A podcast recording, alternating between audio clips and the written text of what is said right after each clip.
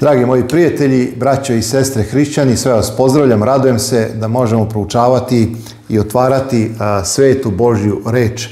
Naime, šta reći na samom početku, osim hvala Bogu za priliku, za još jedan dan, život kojeg imamo i za određene mogućnosti koje nam stoje na raspolaganju. Sa druge strane, svestan sam da ima onih koji žive veoma teško, da ima onih koji su bolesni, koji su ostavljeni, koji su zanemareni, da ima mnogo ljudi koji žive u nekoj svojoj samoći, ne zato što su sami u tom fizičkom smislu da žive možda sami, nego zato što su usamljeni zbog svog načina razmišljanja, zbog svog načina verovanja, zbog svega onoga što oni jesu. Sa druge strane, svi smo svedoci da velika bitka, da velika borba besni oko nas.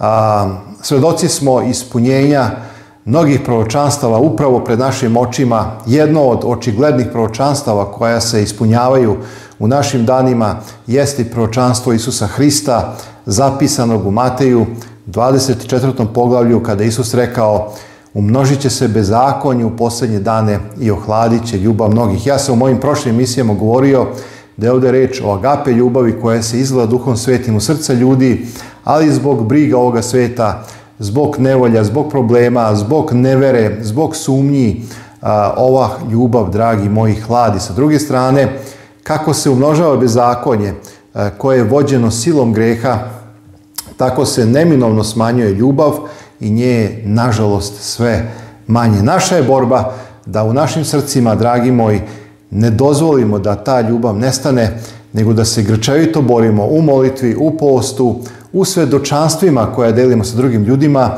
da bismo se napajali tom izvornom etičnošću koja ima svoj a, prvobitni izvor u Hristu, a, u njegovoj istini, u njegovoj ličnosti koja osvaja i koja uduševljava. A, jedna izreka kaže, s kim si takav si? S kim si takav si? S kim smo mi, dragi moji, prijatelji, braćo moja, s kim smo mi uh, u većini slučajeva, s kim najviše provodimo vreme, takvi ćemo neminovno postati. Ako se napajamo lažima i prevarama ovog sveta, ako svakodnevno buljimo u medije koji nas truju određenim informacijama koje ne moraju biti neistinite. Ne, nego dovoljno je da su zlobne, da su negativne, da su obojane pesimizmom. Definitivno to će, hteli mi ili ne hteli, uticati na naš um. I evo, dragi moji, velikih problema. Čovek će postati ono što gleda, čovek će naučiti da razmišlja ono što sluša, tako da mi ne možemo pobjeći od tog zakona ljudske prirode da se čovjek pretvara u ono što posmatra i ono što ga zanima. Hajde zato da na prvom mestu svakako damo reč, e, mesta reči Božjoj, da to bude ono u čega mi gledamo, ono čime se napajamo, da u njoj vidimo našeg raspetog i vaskrstog Hrista koji nas ljubi ljubavlju večnom i da zaista se oduševljavamo njegovim karakterom. Evo, to je poziv jer zaista svet je nemilosrdan u kojem mi živimo, svet je okružen zlom i ispunjen samim zlom, a, čiji je izvor sam Sotona i sila greha. I evo, ja bih želeo da upravo kažem nešto iz dva biblijska teksta o toj velikoj borbi i opasnosti koja vreba iz svakog ćoška. Ako nismo utemeljeni i učvršćeni u veri, uh, u naše gospode Isusa Hrista, i ako nismo utemeljeni u istini koju pronalazimo u reči Božjoj, uh, mi nemamo, dragi moji, nikakve šanse. Jer kao što je rekao apostol Pavle, naš rat nije sa krvlju i telom, nego sa vlastima i poglavarstvima, upraviteljima tame ispod neba, sa duhovima pakosti, Znači, mi kao hrišćani znamo za jednu drugačiju borbu. Za, mi znamo da postoji ono što se ne vidi fizičkim očima, a sa čim ili s kim svako od nas ima mnogo zaista problema i borbe svakodnevne. Zapazite tekst u otkrivenju 12. poglavlju. Kontekst je te velike borbe koja se dešava i na nebu i na zemlji I u jednom trenutku apostol je on je video da se više nije moglo naći mesta đavolu na nebu, njemu je zabranjen bio svaki pristup. Ja sam inače detaljnije o trostrukom zbacivanju Sotone, baš postoji takav naslov, ili postepeno zbacivanje Sotone, mislim da sam stavio naslov, u nekim mojim ranijim emisijama u seriji Posljednje vremena dosta toga rekao. Ako vas zanima, pronađite. Mislim da će vam biti od koristi da vidite kako je Sotona postepeno zbacivan do konačnog uništenja, zaključavanja, kada više neće imati nikakve vlasti. Ali evo ovde vidimo trenutak a, i razlog za slavljenje u 12. stihu i kaže a, Jovan, zato veselite se nebesa i vi koji živite na njima, teško vama koji živite na zemlji i moru, jer đavo siđe k vama i zapazite, Zapazite šta je sada, gdje je naglasak. I vrlo se rasrdio, neki prevodi kažu vrlo se razbesneo, znajući da vremena malo ima. I ja sam više puta rekao da mi od vremena Isusa Hrista i sa njegovim prvim dolaskom živimo u posljednjim vremenima. Zato je ova moja serija nosi naslov posljednje vremena ili tako sve u tom nekom stilu, jer želim da naglasim da vremena malo ima. Znači i ovde Biblija a, otkriva saznanje koje ima i sam Soton, on zna da mu je posmrtno zvono odzvonilo, on zna da mu je sudbina zapečaćena time što se okrenuo protiv Boga koji je on sam izazvao tu sudbinu i on zna da vremena malo ima i zato se razbesneo i hara ovim svetom i pokušava da što više ljudi, pojedinaca odvede u propast. Najslađa poslastica u ovoj priči jeste kada upravo odvoji stabilne, jake hrišćane, kada na neki način uspe da ih zavede i prevari. Tada se najviše raduje jer zna da je time naneo veliku, veliki bol našem gospodu. Vrlo se rasrdio, neki prevodi, kao što sam rekao, vrlo se razbesneo, znajući da vremena malo ima. Oni koji danas najviše trpe i koji osjećaju su oni koji se najviše opiru.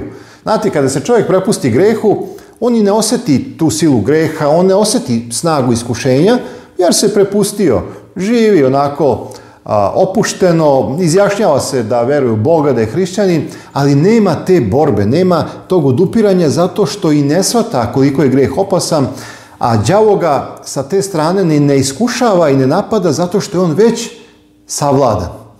I zato mnogi ljudi, oni ljudi koji se odupiru, oni ljudi koji pružaju otpor đavolu, na osnovu reči Božje, na osnovu uh, želje da budu blizu Hristu i da se odupru, oni će baš imati taj veliki pritisak. I zapazite, u 17. stihu se kaže koja je to grupa ljudi koji će imati najveći, najveći mogući stepen iskušenja i problema i koji će osetiti tu žestinu borbe u poslednjim danima. Kaže, razgini se zmije žene, na ženu i otide da se pobije sa ostatkom semena njezina. Pazite, a, imam osjećaj da ovi tekstovi govore da je a, mnogo onoga što pripada ženi crkvi već savladano. Zašto? Zato što je otišao Sotona sada da se bije sa ostatkom. Kao da Bože reč otkriva da postoji jedna grupa ljudi koja se još uvek odupire, koja ima identitet Hristov u svom životu i koja je verna i poslušna Božim zapovestima. I sada zapazite, koje drži zapovesti Božje i ima svedočanstvo Isusa Hrista. Ova grupa ljudi u posljednjim danima osjetit će najveću žestinu sotonskog gneva, jer njegova ljutnja i njegov bes posebno se sada usmeri na ostatak koji radi protiv njegovog carstva, koji radi direktno protiv njega i razotkriva i razobličava a, sve laži i prevare a, koje je on a, stvorio i jednostavno ponudio ili dao ovome svetu. E sada, hajde da odemo da ne bi previše dužio za ovaj put, da u prvu poslanicu Petrovu i da posmatramo neke tekstove iz petog poglavlja. Zapazite kako nas apostol Petar upozorava, znajući za ovu priču o kojoj je a, sada pričao nama apostol Jovan u otkrivenju, kojeg smo čitali u 12. poglavlju. Kaže, budite trezni i pazite jer suparnik vaš đavo kao lav ričući hodi i traži koga da proždere. Verujem da ste imali prilike da gledate kako izgleda rika lava u tim pustinjama, u, na tim lokacijama gde oni love i kako se lav ponaša u lovu dok je još delimično mladi, dok ima dobar sprint, dok može da trči. Kakva je to rika i kakav je to nalet agresivnosti kada ugleda potencijalnu žrtvu koju želi da pojede, da proždere. Kako apostol Petar, poznavajući te okolnosti, pravi ovde paralelu da bi nam objasnio, da bi nam otvorio one duhovne oči i dao još jače spoznanje kako se ponaša đavo u poslednjim vremenima koji jednostavno želi da uništi. On ga ovde upoređuje sa gladnim lavom sa besnim lavom koji riče i koji traži da jednostavno nekoga proždere, da uništi. I onda jedini način kako možemo da se odbranimo od te rike lava, drugim rečima Sotona, od njegovih napada i da se zaštitimo od njegovog plana da nas uništi, zapisan je u devetom stihu. Branite se od njega tvrđom u veri. Šta to znači, sad ćemo malo objasniti. Znajući da se tako stradanja događaju vašoj braći po svetu. Znači, mnoga braća, mnogi hrišćani po svetu danas koji se odupiru đavolu, koji rade protiv njega, koji propovedaju evanđelje Božje, su predmet njegove najveće mržnje. I jedini način da ostanemo odbranjeni jeste da imamo tvrđu vere. Šta znači taj izraz tvrđa? To znači stabilnost, e, vera koja ne zavisi od emocija, od naleta nekih hireva, nego vera koja je stabilna i kad je dobro i kad je loše. Vera koja je postojana i kad se dobi i kad se gubija. Vera koja se ne menja, koja je učvršćena, učvršćena na steni, koja je Hristos bez obzira da li je sunce ili kiša, ona je postojana. Vera je načelo koje jednostavno ne može da se pomeri, a koja se nalazi u srcima onih koji su tu veru izgradili svojim životom, vernošću, čitanju Biblije, molitvom, postom i kada su izašli kao pobednici iz različitih iskušenja. Evo šta znači tvrđe u veri, nekoliko tekstova ispred ovog teksta apostol Petar eh, daje nekoliko naznaka. Ajde da čitamo od šestog stiha. Ponizite se dakle pod silnu ruku Božju da vas povisi kada dođe vreme.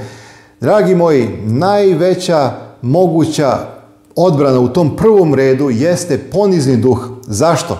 Zato što kada imamo ponizni duh, Duh sveti može da radi u nama i da bude u nama, jer smo se ponizili pred Bogom koji je tako veliki moćan, koji nas ljubi. Naša oholost je bačena u prašinu, naš ego je umrtljen i kada smo ponizni, Bog može da čini čuda i razne stvari u našem životu. A to je upravo ono što đavo ne želi.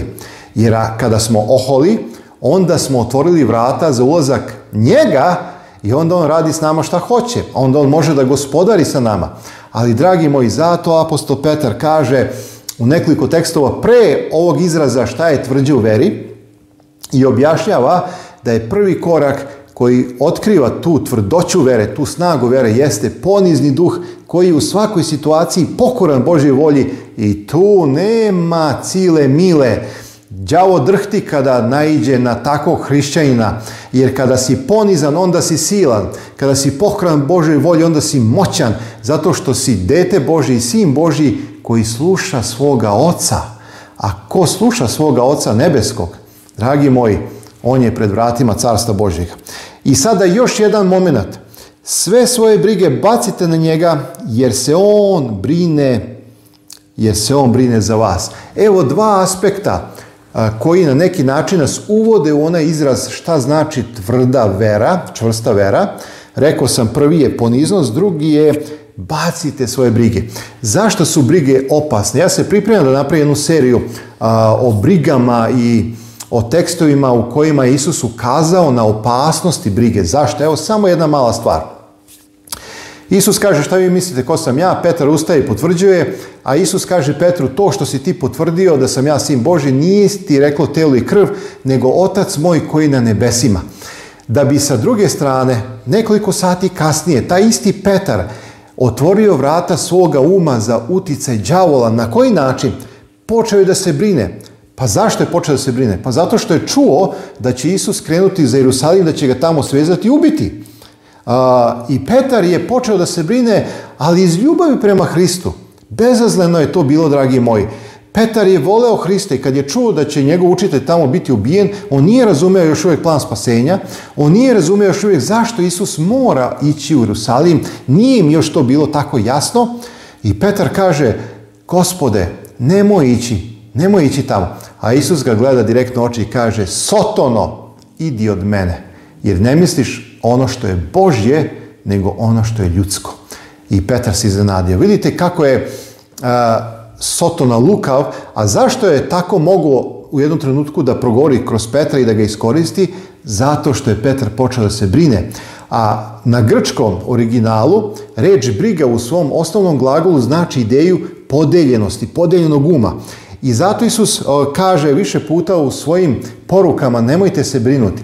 Pogledajte na ljiljane, pogledajte na cveće, pogledajte e, na, na Solomona i tako dalje, e, na, na, na sve te stvari koje Bog čini, kada Bog hrani vrapce, a neće li vas, kaže maloverni. I sada zapazite ovde, sve svoje brige bacite na njega jer se on brine za vas. Ako imamo brige, ako mnogo brinemo, dragi moji, mi ne možemo imati tvrdoću vere, čvrstinu vere, zato što će Soton iskoristiti onu polovinu uma i delovati kroz nas i bacati nas u vatru i vodu u smislu padat ćemo i gubit ćemo veru. Zato na više mesta, evo i Petar to naglašava, nemojmo se brinuti. E sada, da bismo mogli doći do tog nivoa da se stvarno ne brinemo, Mi moramo to graditi na osnovu čitanja, molitve, iskustava koje imamo sa Bogom. I što više Boga poznajemo, imamo više poverenja. A što više imamo poverenja, dragi moji, manje, manje se brinemo. Evo tu je poenta. I to znači branite se od njega tvrđom veri. Budite poniznog duha i pokušajte da se ne brinete, jer se Bog brine za nas. To nije samo vera, verujem, ne verujem, Bog postoji da on je tamo negde gore.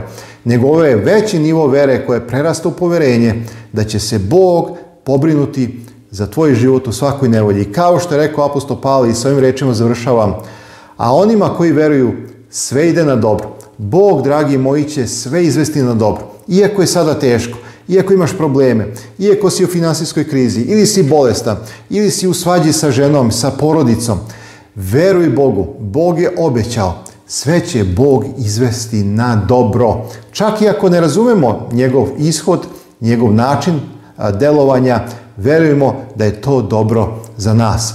Ja se sećam, u jednom trenutku sam se molio Bogu da isceli moju majku, ali nije bilo odgovora. A onda sam shvatio da je ipak onaj način koji je Bog izabrao najbolji za moju majku. Ona sada spava u prahu zemaljskom i čeka glas trubni čeka povratak Isusa Hrista na oblacima slave, kada će gromnim glasom reći svi vi koji spavate u prahu zemaljskom, ustanite, koji ste bili verni, koji ste me verovali.